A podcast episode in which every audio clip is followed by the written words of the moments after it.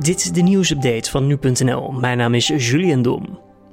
De vlaggen hangen voor de komende vijf dagen half stok bij Amerikaanse overheidsgebouwen. President Biden heeft daar opdracht toe gegeven omdat er tot nu toe een half miljoen Amerikanen zijn overleden aan het coronavirus. Daarmee ligt het aantal hoger dan de hoeveelheid Amerikaanse militairen die zijn omgekomen in de Eerste en Tweede Wereldoorlog en de Vietnamoorlog bij elkaar opgeteld. De president liet in een speech echter wel weten dat er opgepast moet worden, dat niemand gevoelloos wordt voor de cijfers nu de pandemie al ruim een jaar gaande is. While we've been fighting this pandemic for so long, we have to resist becoming numb to the sorrow. Na zijn speech volgde een moment van stilte waarna Biden een kaars aanstak voor de doden. Onder andere zijn vrouw Jill Biden en vicepresident Kamala Harris waren daarbij aanwezig. In Canada is besloten om de behandeling van de Oeigoeren door China te bestempelen als genocide.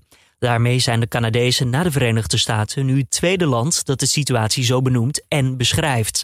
De voltallige oppositie plus enkele coalitieleden in het Canadese lagerhuis stemden in met de motie.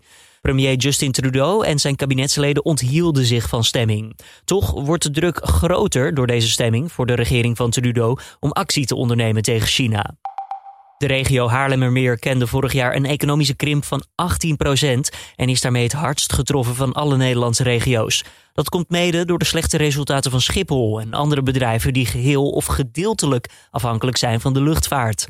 Amsterdam komt met een krimp van 7% op de tweede plaats. Dat blijkt uit cijfers van het Centraal Bureau voor de Statistiek. De hoofdstad leidt onder het slechte toeristenjaar en de sluiting van de horeca.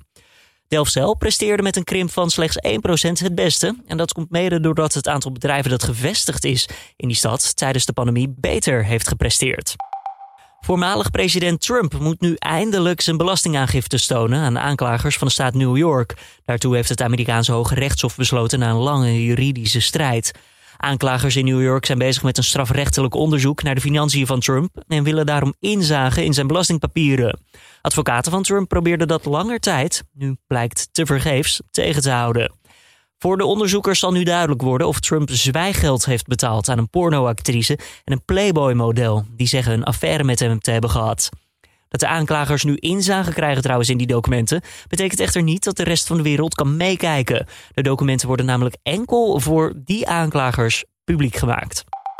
Op verschillende plekken in het land zijn verkiezingsposters van de VVD met daarop Mark Rutte beklad met nazi-symbolen. Zo zijn onder meer in het Gelderse Putten de afgelopen dagen meerdere posters verwijderd, overgeplakt en beklad. Daarover schrijft de Stentor. Op de posters stonden hakenkruisen, snorretjes en de naam Hitler. Dat laat de lokale VVD weten. Ook in Zuid-Holland en Drenthe komen meldingen van bekladdingen en van politieke posters. En zo zou in Drentse Vledder een poster van Hugo de Jonge besmeurd zijn. De minister werd daarop vergeleken met de Duitse SS-arts Jozef Mengele. En dit was dan weer de nieuwsupdate van nu.nl.